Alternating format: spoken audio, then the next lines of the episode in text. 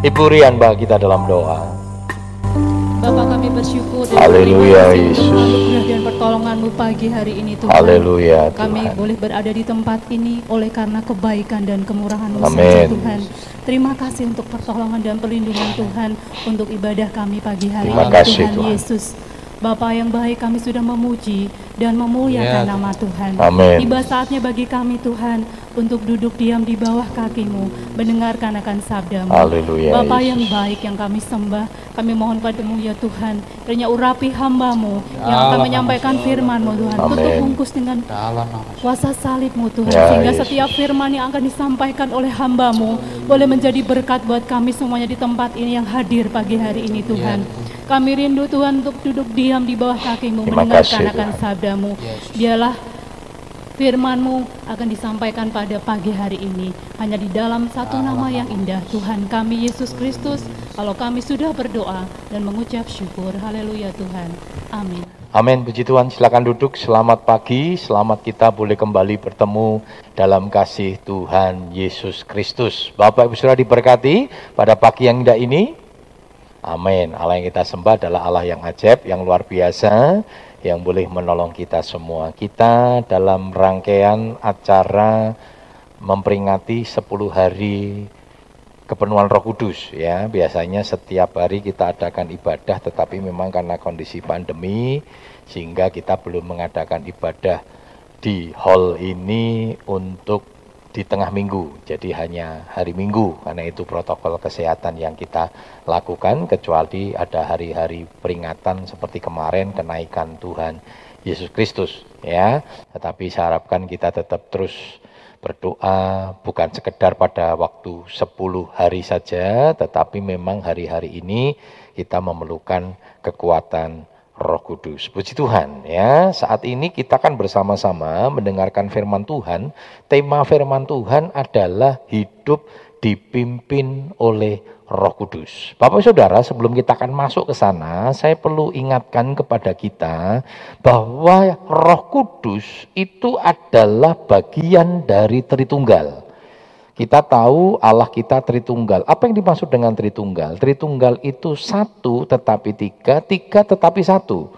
Nah, kita orang-orang Kristen sering kali takut menyebut bahwa Allah kita tiga.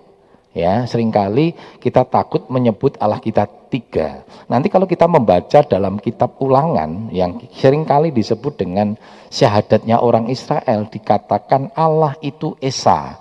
Esa itu artinya ekat. Eka dalam bahasa As- Ibrani-nya disebut dengan ehad. Ehad itu artinya kesatuan. Ya, tetapi dikatakan Allah kita berapa? Tiga. Enggak, satu. Allah kita satu, tiga sudah. Nah, kok bisa? Nah, itu yang disebut dengan tri tritunggal. Ya, kenapa bisa begitu? Allah kita memang kalau pelajaran GPDI ada beberapa doktrin yang mengatakan Allah kita itu satu tapi tiga kepribadian. Tidak seperti itu. Ya, kalau GPDI itu mengenal bahwa Allah kita tiga tetapi satu diikat dalam satu kesatuan dan mereka tidak bisa berjalan sendiri-sendiri. Ya, Allah Bapa itu bukan Allah Anak, Allah Anak bukan Allah Roh Kudus, Allah Roh Kudus bukan Allah Bapa, tetapi mereka satu. Mereka satu. Makanya ka- kita tidak boleh menomortigakan. Sepertinya kan ada urutan sudah ya. Tuhan, Allah Bapa dulu, Allah Anak dan Allah Roh Kudus. Sehingga Roh Kudus itu sepertinya eh, menjadi yang ketiga tidak. Mereka tidak boleh. Mereka artinya Tritunggal itu artinya tuh Allah Bapa, Allah Anak, Allah Roh Kudus itu memiliki otoritas yang sama, memiliki kemuliaan yang sama, memiliki pusat untuk disembah yang sama. Jadi kalau kita sedang menyembah Yesus, ya kita sedang menyembah Allah Roh Kudus karena mereka ada dalam ketritunggalan. Kalau Bapak Israel nanti membaca dalam kitab Yohanes dikatakan sebelum Yesus naik ke surga dia berkata, "Aku akan mengirimkan penolong yang lain." Kata penolong yang lain itu artinya memiliki kualitas yang sama, memiliki otoritas yang sama, memiliki kekuasaan yang sama. Jadi kalau hari ini kita berkata hidup dipimpin oleh Roh Kudus, artinya hidup dipimpin oleh Tuhan dalam ketritunggalan begitu Saudara ya. Ya dalam ketritunggalan begitu. Mari kita sama-sama melihat dulu dalam Galatia 5 ayat 24 hingga 25. Galatia 5 ayat 24 hingga 25. Mari kita bangkit berdiri sekali lagi, kita akan baca ayat ini bersama-sama. Galatia 5 ayat 24 hingga 25, kita akan membaca bersama-sama. Dua, tiga. Barang siapa menjadi milik Kristus Yesus, ia telah menyalibkan daging dengan segala hawa nafsu dan keinginannya. Jikalau kita hidup oleh roh Allah, baiklah hidup kita juga dipimpin oleh roh Silakan duduk. Bapak Saudara, antara roh Allah dan roh daging ya, jadi bukan kita tidak boleh memperhadapkan antara roh Tuhan dengan keinginan roh dengan setan, tidak. Setan itu tidak ada urusannya antara hubungan manusia dengan Tuhan. Setan hanya mempengaruhi supaya kita tidak menyembah kepada Tuhan. Jadi kalau Bapak sudah jatuh dalam dosa, itu tidak ada persoalan dengan setan, saudara. Nggak ada persoalan dengan setan. Ketika Bapak sudah jatuh dalam dosa, ya itu urusan saudara dengan Tuhan. Ya, jadi makanya dihukum ya tidak ada urusannya sama setan. Jangan libat-libatkan setan lah, saudara. Ya, kita apa-apa titik setan, apa titik setan gitu, saudara ya. Kok kok selingkuh? Ah, setan om. Loh, sing selingkuh Anda yang enak Anda kok setannya yang disalahkan, saudara ya sampai ada juk ya juk itu yang di Facebook di sosial media setan protes judulnya saudara. Jadi setan protes sama Tuhan dia berkata Tuhan aku protes saudara. Aku tak anu pensiun dari setan katanya. Ini ini hanya lelucon saudara ya. Lo kenapa? Waduh menungso gitu kelakuan ngungkuli setan katanya. Ya hidupnya dosone ngungkuli setan. Tapi nanti kalau jatuh dalam dosa ditanya kenapa jatuh ah guru setan. Saya urung gudo loh Tuhan. Belum saya goda Kuwi wis jatuh dalam dosa, Saudara. Nah, firman Tuhan katakan memang ada kalanya Tuhan izinkan Saudara, seperti Ayub ya. Tetapi firman Tuhan katakan sering kali kita dicobai oleh keinginan daging sen sendiri. Jangan mengkambing hitamkan setan lah Saudara. Setan rasa dikambing hitamkan wis hitam Saudara ya. Jadi jangan dikambing hitamkan. Nah, Saudara, firman Tuhan katakan kita ini dipimpin oleh roh. Antara roh dengan daging itu bertentangan dosa dengan kebenaran tidak pernah bersatu. Karena itu jangan mencoba mempersatukan dosa. Karena itu jangan mencoba mentoleransikan dosa. Kalau Alkitab berkata dosa is dosa. Titik. Kebenaran dalam firman Tuhan itu hitam dan putih.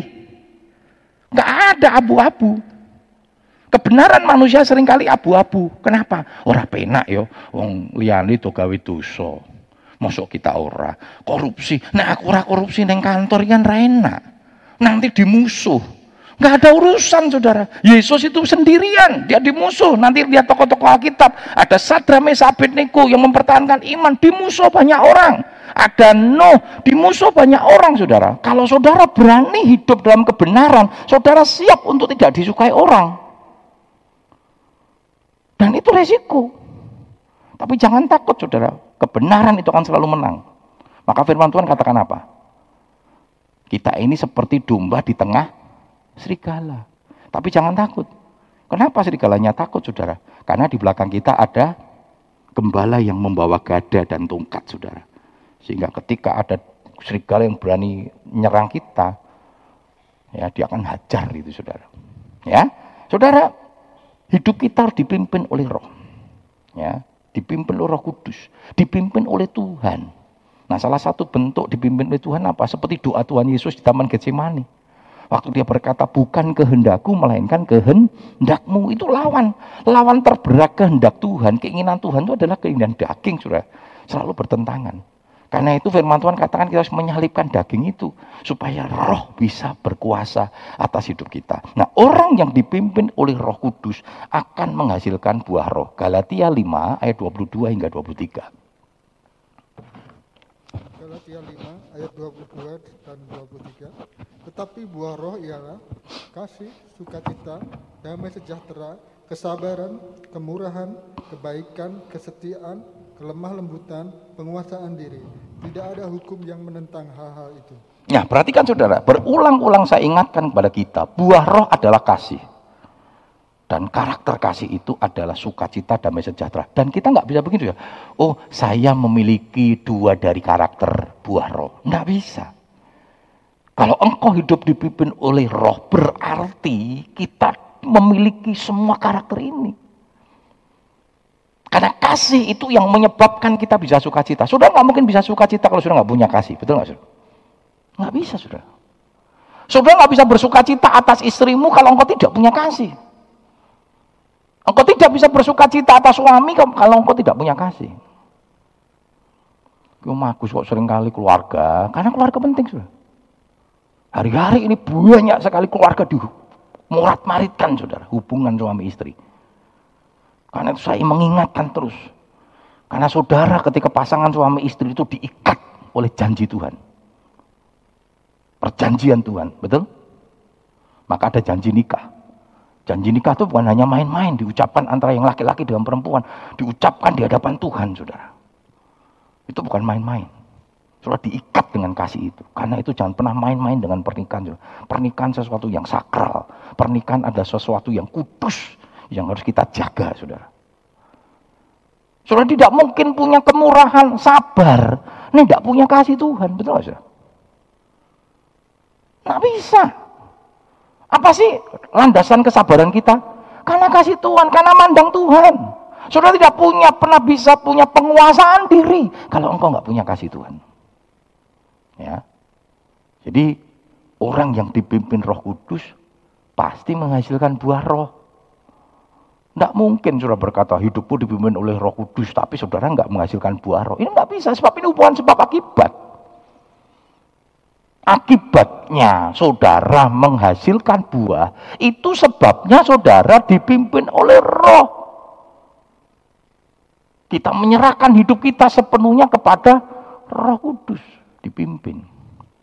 Dan perjalanan hidup kita perilaku hidup kita, perbuatan hidup kita itu selalu ada dalam pimpinan Roh Kudus. Artinya apa? Hidup melakukan kehendak Tuhan. Saudara, orang yang hidup dipimpin oleh Roh Kudus, semakin hari hidupnya akan semakin Kristus, seperti Kristus. Kenapa? Karena Tuhan Yesus itu dipimpin oleh Roh Kudus. Masih ingat saudara, Tritunggal itu bersatu, dimunculkan yang kasat mata, dilihat oleh manusia pada waktu itu, pada waktu peristiwa Tuhan Yesus dibab, dibaptis. Masih ingat ya, waktu Yesus dibaptis dikatakan suara dari surga berkata, itu dengar mereka sudah. Inilah anakku ya, wah luar biasa sudah ya. Jadi mereka tidak bisa sebenarnya memungkiri bahwa Yesus itu adalah Tuhan. Saya waktu dibaptis orang-orang sudah saya ngomong, wah bu, langit terbuka lo ngomong, inilah anakku yang ku kasih. Nek ono sing ngomong ngono waktu aku dibaptis ono sing ngomong sesat saudara. Karena itu kesaksiannya diri sendiri. Kalau Yesus enggak itu disaksikan. Inilah anakku yang ku kasih. Hanya kepadanya saja aku berkenan. Ya, lalu dikatakan apa? Turun Roh Kudus seperti merpati. Nah, tidak memang tadi kan ada ada apa di di covernya di apa PowerPoint awal kan lambangnya burung merpati sudah ya. Tetapi tidak setiap Alkitab bicara merpati itu selalu rohol kudus. Hari itu dikatakan roh kudus turun seperti merpati. Merpati itu roh kudus atau bukan? Merpati itu, maksudnya merpati yang turun itu loh sudah. Bukan merpati merpati sing mabur ini sudah ya. Merpati pada waktu Yesus Yesus dibaptis Roh Kudus bukan? Roh Kudus. Yang wujudnya seperti merpati. Apakah itu merpati? Bukan sudah ya. Karena itu Roh Kudus yang berbentuk merpati. Contohnya pada waktu di loteng Yerusalem ada lidah-lidah api. Ya, jadi roh kudus itu seperti lidah-lidah api, tetapi nggak bakar, saudara ya. Bayangkan, saudara ya, waduh, di atas ada api yang ora kobong ya. Itu simbol-simbol ya simbol-simbol. Jadi Tuhan Roh Kudus hadir dalam bentuk seperti burung merpati. Alkitab katakan dan itu ketritunggalan bertemu di situ sudah dan itu disaksikan dengan kasat mata. Luar biasa itu. Itu dahsyat ya. Itu dahsyat. Ya saudara coba kita lihat dalam 2 Korintus 3 ayat 18 2 Korintus 3 ayat yang ke-18 dan kita semua mencerminkan kemuliaan Tuhan dengan muka yang tidak berselubung dan dengan kemuliaan itu datangnya dari Tuhan yang adalah roh maka kita diubah menjadi serupa dengan gambarnya dalam kemuliaan yang semakin besar ya Seharusnya saudara, kita ini kalau hidup di pimpin roh kudus, coba saudara lihat ya. Fotonya zaman dulu kita sing sing bedigas, urung bertobat, ini pasti berbeda dengan sekarang loh sudah, betul nggak? Yang meninggal siapa? Yang uh, pendeta yang Aditya. Itu anak dari anak mantu dari Bapak Pendeta Jeffrey Kairupan yang pernah khotbah di sini. Yang pernah khotbah di sini. Uh, khotbahnya sore, kalau pagi harinya dia menerjemahkan menjadi translate itu uh, dari uh, pendeta Belinda yang dari Australia. Kan ada yang bapaknya tinggi dur, ganteng saudara ya, wong kairupan. Nek saya tetap ganteng saya tidak lah saudara. Ini ngokeh kono mungkin saudara ya. Ah, itu koyo tentara itu saudara. Jadi dua hari sebelum meninggal dia sempat kontak saya karena memang hari dia mengur, uh, dia yang mengkoordinator radio untuk apa namanya ada satu program radio Pelita Kasih. Ya, jadi dia telepon saya yang dari Jakarta sudah radio Pelita Kasih Jakarta hari Selasa besok saya diminta untuk siaran ya mengisi renungan di siaran mereka. Lalu dia berdoa, "Pak, tolong doakan, Pak. Anak menantu saya apa namanya ini uh, sedang kena Covid dirawat di ICU." Ya dirawat di ICU. Tapi ternyata dia sudah sebenarnya sudah negatif, tetapi efek itu masih. Jadi saudara ya, uh, efek itu saudara ya, efek uh, apa namanya penyakit bawaannya itu kadang masih saudara. Ya, kita berdoa, tetapi dua hari kemudian Tuhan panggil ya, Tuhan panggil. Ya, jadi apa namanya itu anak dari uh, Bapak Jeffrey Kairupan ya, yang pernah pelayanan di tempat ini. Nah saudara lihat, dia saksikan saudara, dia punya panggilan itu untuk melayani orang-orang narkoba. Nah kadang Tuhan tarik tarik orang-orang yang hidupnya brengsek, saudara, hidupnya nggak karu-karuan, dimenangkan oleh Tuhan dan dia bertobat dengan cara yang luar biasa, saudara. Nah, dia sering kali munculkan, saudara ya. Dia munculkan. Ada satu kata-kata yang bagus, saudara. Ada satu kata-kata filosofi yang bagus, mungkin bapak saudara sering ngikuti ya. Dio ngomong gini, Pi ini meninggal loh Pi, Dio sering ngikuti yuk Pi. Terus saya kuda begini, Dio kamu Om Aditya kamu ikuti, Papi nggak pernah kamu ikuti saya bilangnya. Loh Dio kan ngikuti Papi setiap minggu, bayi setiap minggu kata saudara, datang ibadah saudara. Nah ada satu kata, uh, setelah itu saya baru baru lihat saudara, itu kan anak-anak muda ya, lebih banyak anak-anak muda. Kita wong tua wong tua kan biasanya kan sing sing dirungkoke kan si apa Stephen Tong, si Nico, Gilbert itu yang seangkatan seangkatan saudara ya. Jadi anak muda ya, ada satu kata-kata yang bagus. Ya, e, kalau manusia berkata titik, tetapi Tuhan masih kasih koma.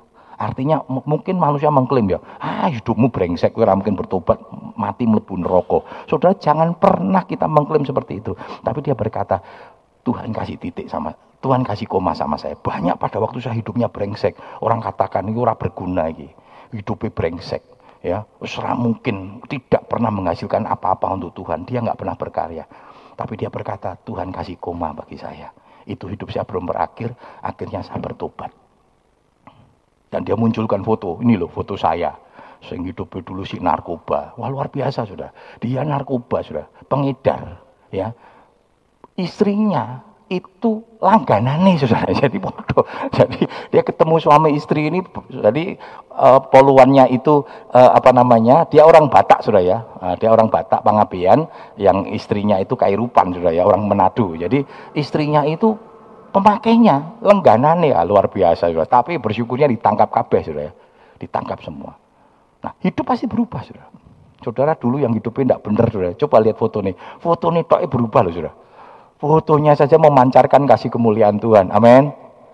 Nek soal ganteng itu ya itu itu relatif lah sudah relatif ya toh. Aku diempin lek sok ganteng ya itu relatif. Kalau tanya lah pada istrimu pasti berkata ganteng ya sudah ya. Jangan tanya sama orang lain.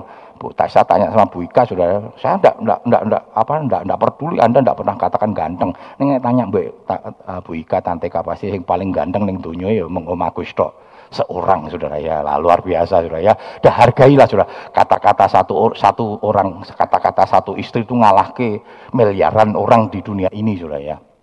Nah saudara kita lihat. Kita harus mengalami perubahan hidup. Nah sekarang menjadi pertanyaan kita. Hidupmu berubah nggak? Kira-kira kita sedang progres menuju ke Yesus atau malah jauh dari Tuhan? Nah ini menjadi pertanyaan saudara. Kalau engkau jauh dari Tuhan harus kembali kepada Tuhan.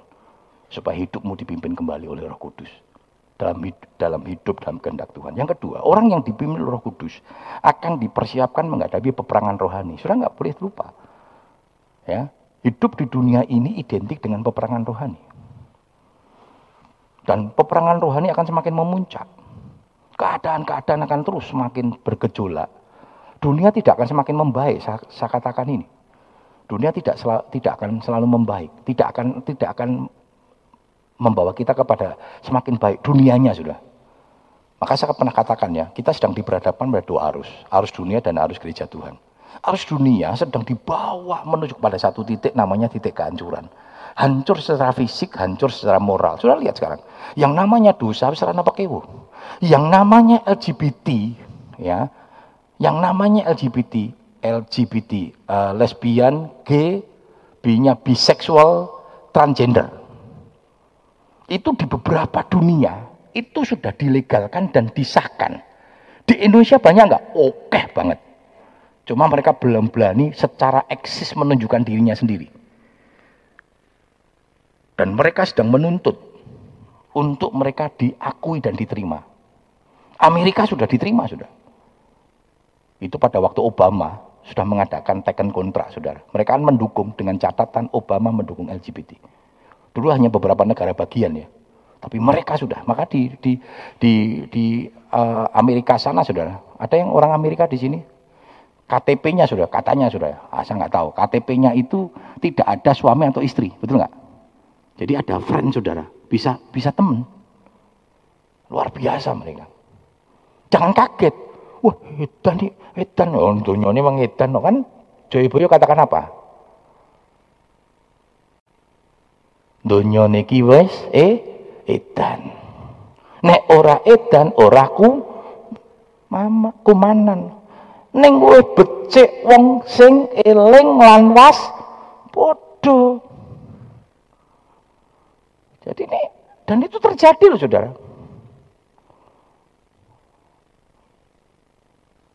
Dunia ini edan. Itu bicara edan itu bicara kerusakan men mental, kerusakan moral. Dan itu kan terjadi, rasa kaget, rasa gumunan. Wah, wah, LGBT, wah, dan nih siki kawin mbek iki lanang kabeh. Piye carane? Ayo ada urusan. Rasa kaget. Sing penting eling lan was padha. Berjaga-jaga dan berdoa untuk kita kuat supaya kita tidak dikamirkan dengan roh-roh duniawi. Ya. Yang pertama, musuh dalam peperangan rohani adalah perkara-perkara duniawi. 1 Yohanes 2, 15, 16.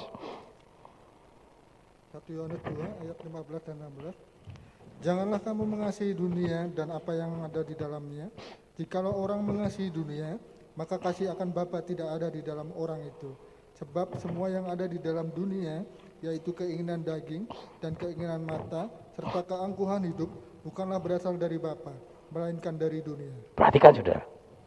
Keinginan daging, keinginan mata, keangkuhan hidup itu lawan dari hidup dipimpin oleh roh kudus. Dan manusia jatuh kepada tiga hal ini gara-gara tiga hal ini. Ada dan Hawa jatuh gara-gara itu, sudah. Dan Yesus pernah dicobai itu. Tapi Alkitab berkata, Yesus dicobai, diuji dengan ujian yang sama.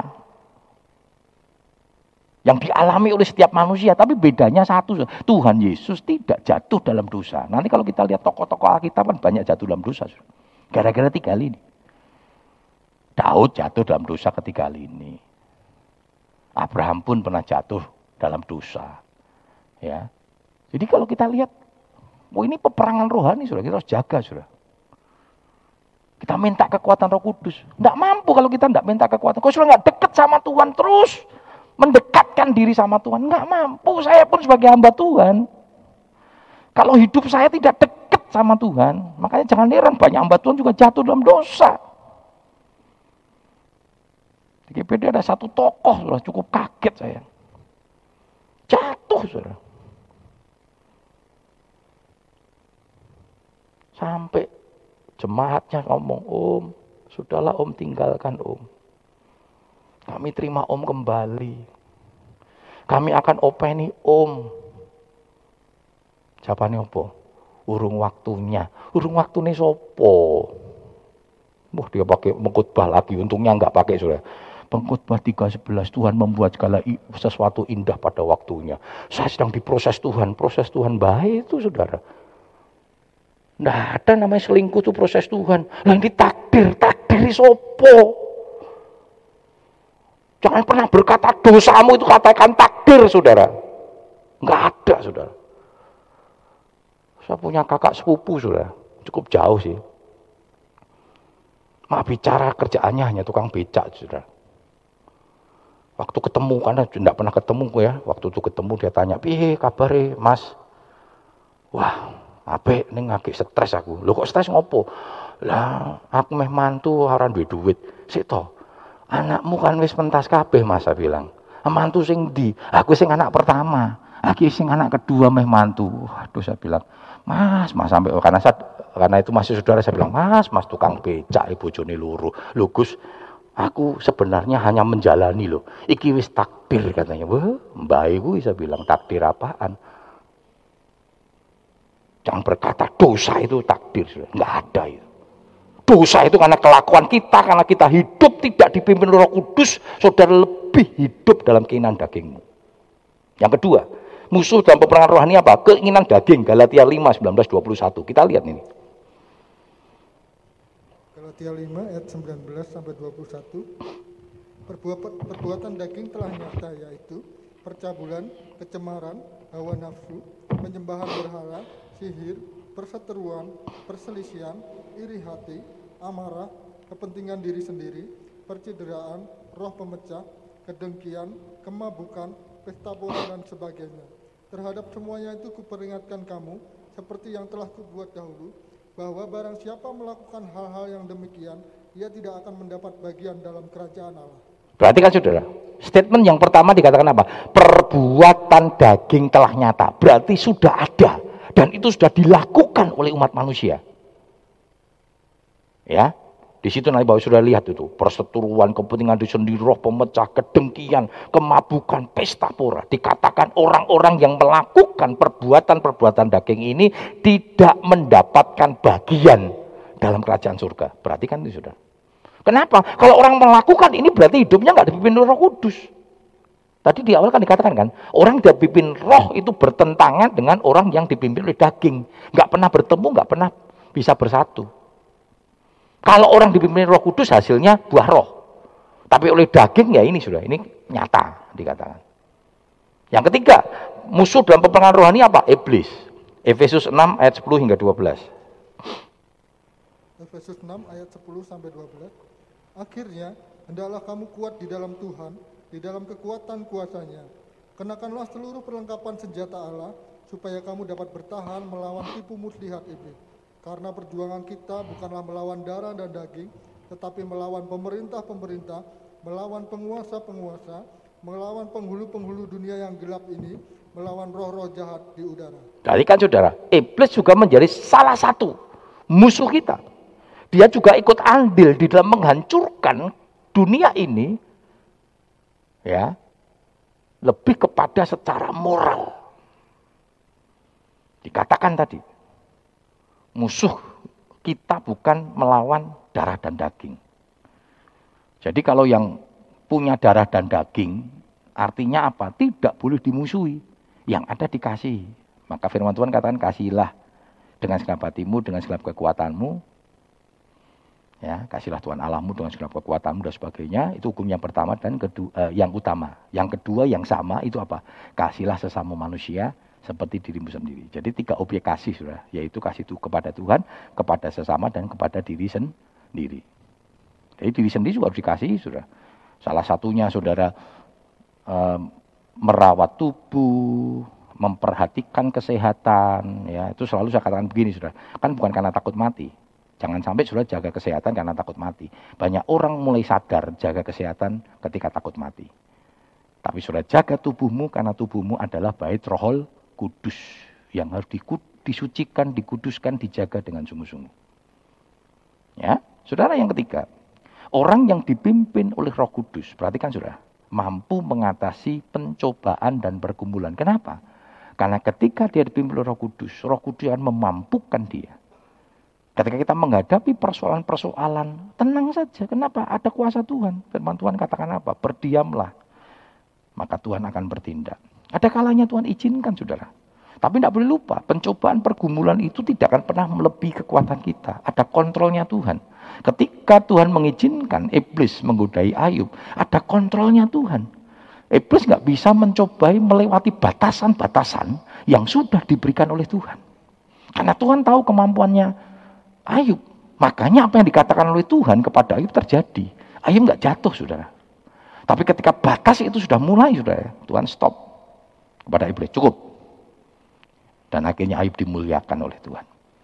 Coba kita lihat dalam 1 Korintus 10 13. 1 Korintus 10 ayat yang ke-13.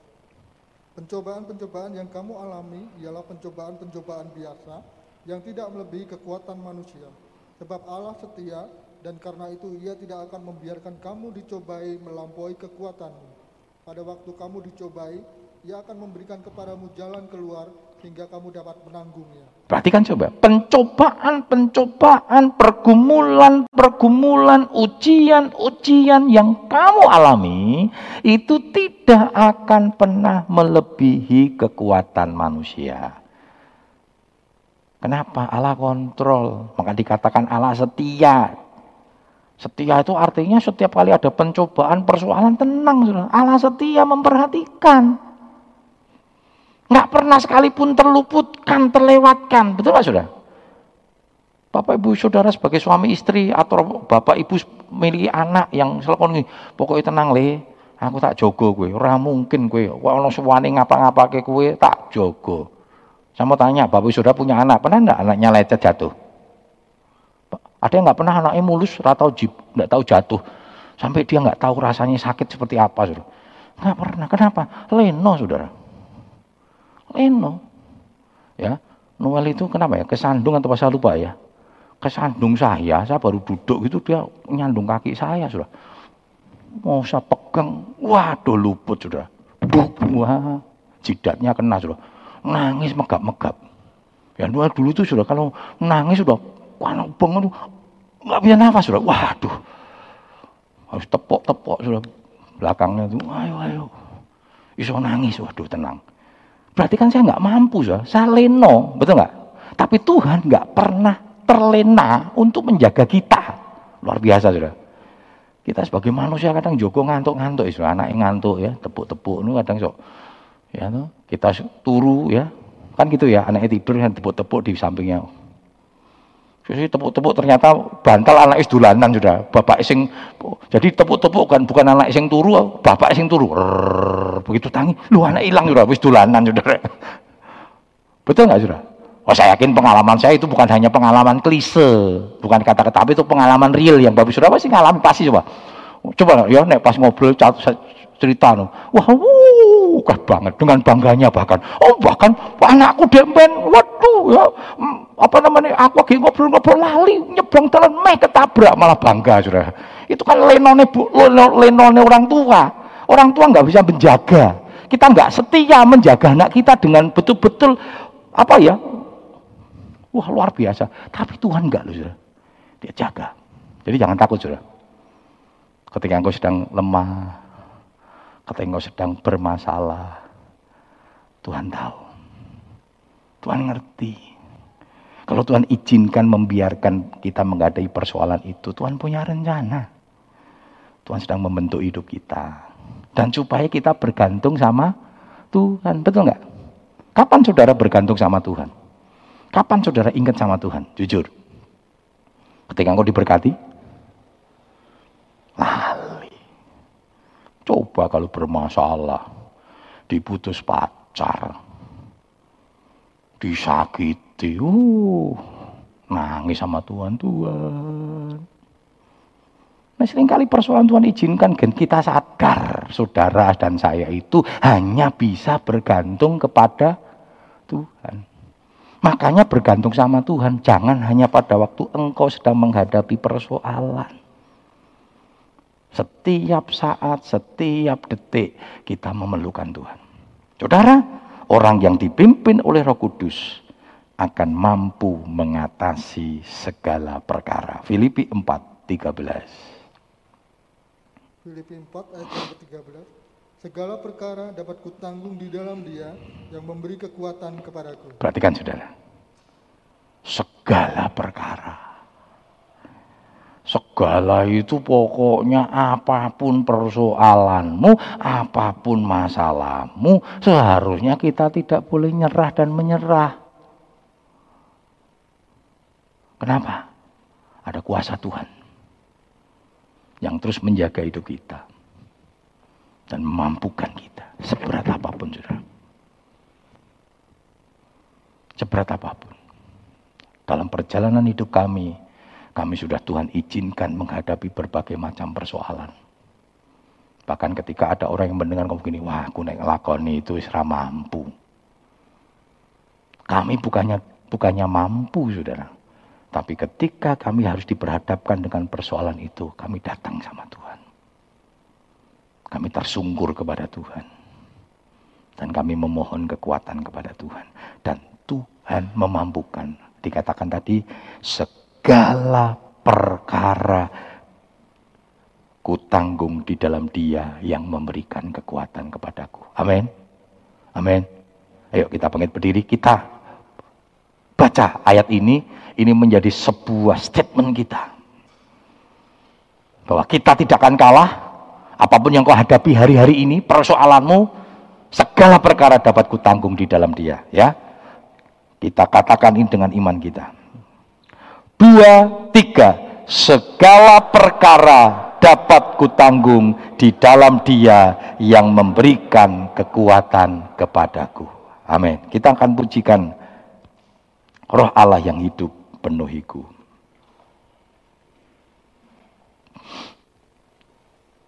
Datang kepada Tuhan. Ada yang mulai tinggalkan Tuhan? Tidak lagi dipimpin oleh roh kudus Saudara lebih hidup dipimpin oleh kinan dagingmu. Kinan daging, kinan mata, keangkuhan hidup itu akan membawa kita pada titik kehancuran. Tapi roh kudus akan membawa kita semakin naik, semakin naik. Bahkan hidup kita akan sama seperti Yesus. Saudara Daniel bagi kita dalam doa. Haleluya. Bapak kami yang baik yang sudah terima kasih Tuhan. Kami sudah dengarkan firman-Mu Tuhan. Mari hidup kami, penuhi kami dengan kuasa roh kudus-Mu supaya kehidupan kami boleh memuliakan dan menyenangkan hati Tuhan. Kami boleh siap, kami boleh menghadapi setiap permasalahan hidup kami karena ada roh Tuhan, ada roh kudus dalam kehidupan kami. Terima kasih Tuhan buat firman pada pagi hari, tanamkan firman dalam hidup kami, jadikan kami sebagai pelaku-pelaku firman-Mu. Hambamu yang sudah menyampaikan firman-Mu, Tuhan pakai lebih lagi menjadi alat kemuliaan di tangan Tuhan. Terima kasih, terima kasih, dan kami sudah terima firman-Mu, jadikan kami sebagai pelaku-pelaku firman-Mu. Di dalam nama yang indah Tuhan kami, Yesus Kristus. Haleluya. Amin.